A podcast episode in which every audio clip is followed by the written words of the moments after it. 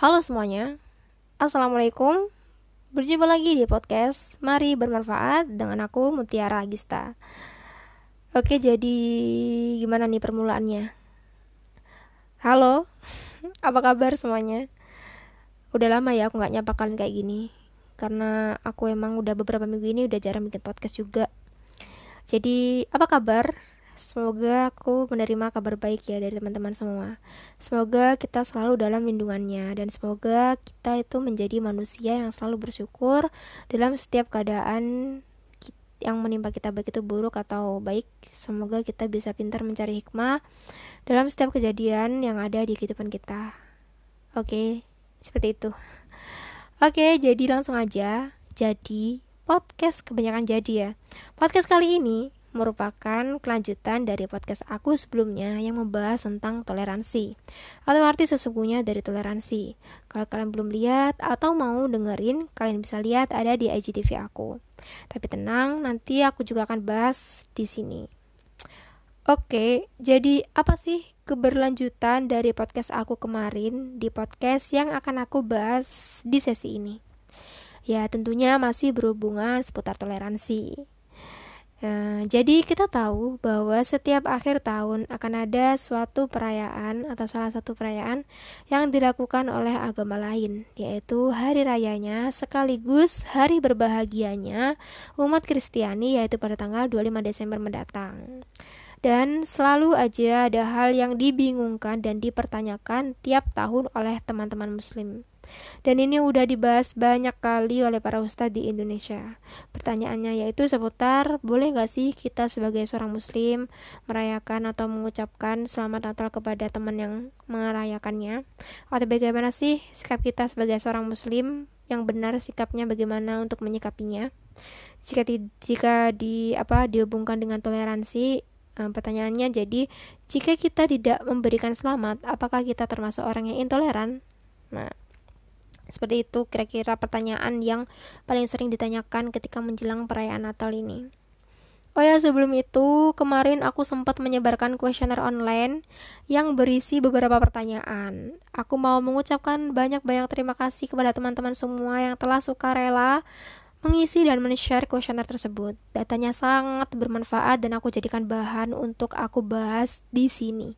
Jadi pastikan kalian nonton sampai akhir ya agar tidak terjadi kesalahpahaman. Oke lanjut. Dari data tersebut, ternyata masih ada teman-teman yang menganggap bahwa jika kita tidak mengucapkan sama dengan berarti kita intoleran. Waduh, gimana nih menurut pendapat teman-teman? Bener nggak sih kita tidak mengucapkan kita sama dengan intoleran? Ya, kita akan bahas kali ini. Terkadang orang salah mengartikan makna dari toleransi tersebut. Nah, kita harus tahu dulu apa sih yang dimaksud toleransi dan intoleransi itu agar tentunya kita bisa menggunakan kata toleransi dan intoleransi pada situasi dan tempat yang tepat pula. Jadi sebenarnya arti toleransi itu tidak cukup hanya kita maknai sebatas saling menghargai. Toleransi lebih dari itu. Toleransi itu kita menghargai dengan tidak saling memaksakan.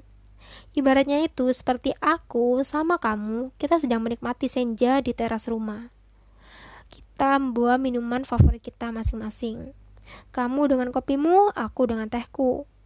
Nah, kita tidak akan saling mencampur adukan minuman itu. Kita menikmatinya masing-masing. Atau bahkan memaksa untuk kamu minum tehku atau aku minum kopimu. Tidak, kita saling menghargai pilihan kita masing-masing. Nah, kalimat terakhir itu yang perlu kita garis bawahi ya teman-teman. Bahwasannya dengan membiarkannya saja tidak mengganggu perayaan agama lain, itu sudah benar. Itu kita sudah saling menghargai. Kita biarkan dan tidak mengganggu mereka untuk merayakan hari bahagianya. Bukan berarti jika kita tidak mengucapkannya atau bahkan ikut serta dalam perayaannya, kita dianggap intoleran. Bukan seperti itu cara kerja toleransi beragama dalam Islam. Seperti yang sudah dijelaskan dalam Al-Quran, di salah satu ayat di dalam surat Al-Kafirun, ya pasti semua udah tahu nih aku bahas uh, ayat yang mana. Ya benar Al-Kafirun ayat 6 yang memiliki arti untukmu agamamu dan untukku agamaku. Dari sini saja kita sudah bisa tahu dengan jelas bahwa jika tadi ada pertanyaan bagaimana sikap seorang muslim yang benar untuk menyikapinya, ya jawabannya ya kita tidak menyikapi apa-apa. Kita tidak usah bingung harus bagaimana. Kita membiarkannya dan tidak mengganggu hari istimewa mereka. Mereka patut berbahagia bersama keluarga dan sanak saudara mereka. Kita harus menghargai itu. Lalu ada juga nih pertanyaan yang paling sering ditanyakan di berbagai kesempatan dalam suatu kajian ketika menjelang perayaan Natal. Yang pertama, boleh gak sih seorang muslim mengucapkan selamat hari Natal untuk teman, saudara, keluarga yang merayakannya?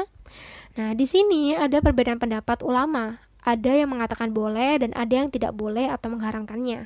Dan masing-masing itu memiliki dalilnya. Kalau saya sendiri, jika kalian tanya, saya memilih yakin kepada pendapat ulama yang tidak membolehkan seorang muslim untuk memberi ucapan selamat hari raya Natal kepada agama yang merayakannya. Kenapa nggak boleh? Seperti yang saya katakan tadi, di dalam Al-Quran, untukmu agamamu dan untukku agamaku. Jadi saya tidak menyikapi apa-apa. Saya membiarkan orang lain merayakan hari bahagia mereka dengan lancar dan tenang, tanpa saya ikut campur di dalamnya.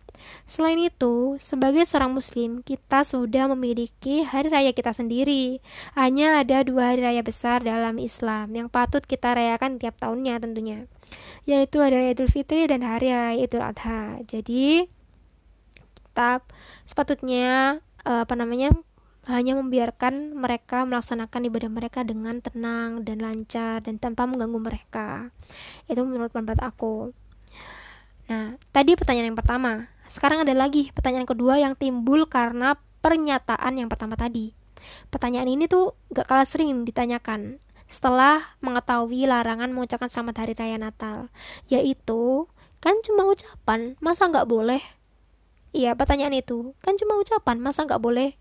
Mereka pasti apa namanya uh, mungkin kalian pernah dengar uh, teman kalian tanya kayak gitu. Setelah mengetahui hah nggak boleh? Kan cuma ucapan masa nggak boleh? Nah it's jangan remehkan ucapan nih. Jangan remehkan ucapan dengan bilang kan cuma ucapan. Cuma hanya. Jangan gitu ya teman-teman Ucapan itu punya konsekuensi loh. Dari yang hanya perkataan atau ucapan, nantinya bisa terbentuk suatu hukum. Contohnya, ucapan talak yang dilontarkan suami ketika sedang berantem dengan istrinya. Ya kan lagi berantem, siapa tahu si suami baper, emosi, nggak sengaja ngucapin talak, sama aja. Talak itu, talak di saat itu talak hukum tetap hukum talak tetap berlaku walaupun si suami itu kebawa emosi sampai bilang talak Nah, tapi talak itu tetap berlaku hukumnya. Nah, jadi bisa kita ambil kesimpulan jangan meremehkan suatu ucapan. Karena ucapan itu punya konsekuensi dan jangan bilang cuma ucapan. Stop ya, jangan bilang cuma ucapan. Terus bagaimana dong? Aku nanti takut jika temanku jadi sedih dan kecewa. Nanti aku nggak deket lagi sama mereka. Dikira aku nggak ngehargain, padahal aku nggak bermaksud kayak gitu. Nah, gak usah galau ya teman-teman dan gak usah sedih juga mereka pasti akan apa mengerti. Jika mereka teman baikmu atau bahkan keluarga mereka pasti paham jika kamu mau menjelaskannya dengan baik. Atau enggak mereka pasti paham dengan sendirinya. Dan sebenarnya mereka itu nggak masalah jika kita tidak ikut ngucapin selamat Natal kepada mereka. Cuma kitanya aja kadang nggak enakan Hal ini dibuktikan dari data kuesioner yang telah aku kumpulkan bahwa lebih dari 50% mereka menjawab biasa aja ketika teman mereka tidak mengucapkan selamat hari Natal kepada mereka. Mereka tidak mempersalahkan itu. Perlu digarisbawahi mereka sebenarnya tidak mempersalahkan itu. Jadi jangan berpikir bahwa diri kamu itu teman yang jahat atau keluarga yang gak baik dengan tidak ikut perayaan mereka. Jangan pernah berpikir seperti itu. Kamu ya kamu yang baik di dalam urusan selain itu. Agama Islam juga mengajarkan agar kita berbuat baik dan adil kepada non-muslim selama mereka tidak mengganggu dan memerangi kita. Inilah ajaran Islam yang indah dan mulia dalam menyikapi perbedaan agama. Dan pesan terakhirku untuk teman-teman yang sudah mendengarkan hingga detik ini, boleh dicatat buat pengingat jika kita dihadapkan suatu persoalan hukum, agama yang melibatkan perasaan, maka jangan campur adukan dengan itu. Agama itu tidak bisa dicampur dengan perasaan. Kalau pakai perasaan, ya susah, hukum akan dikesampingkan. Islam itu jelas, harus kita sampaikan secara faktual walaupun menyakitkan. Tolong jangan baper. Sekian dari aku, maaf dan terima kasih. Wassalamualaikum warahmatullahi wabarakatuh.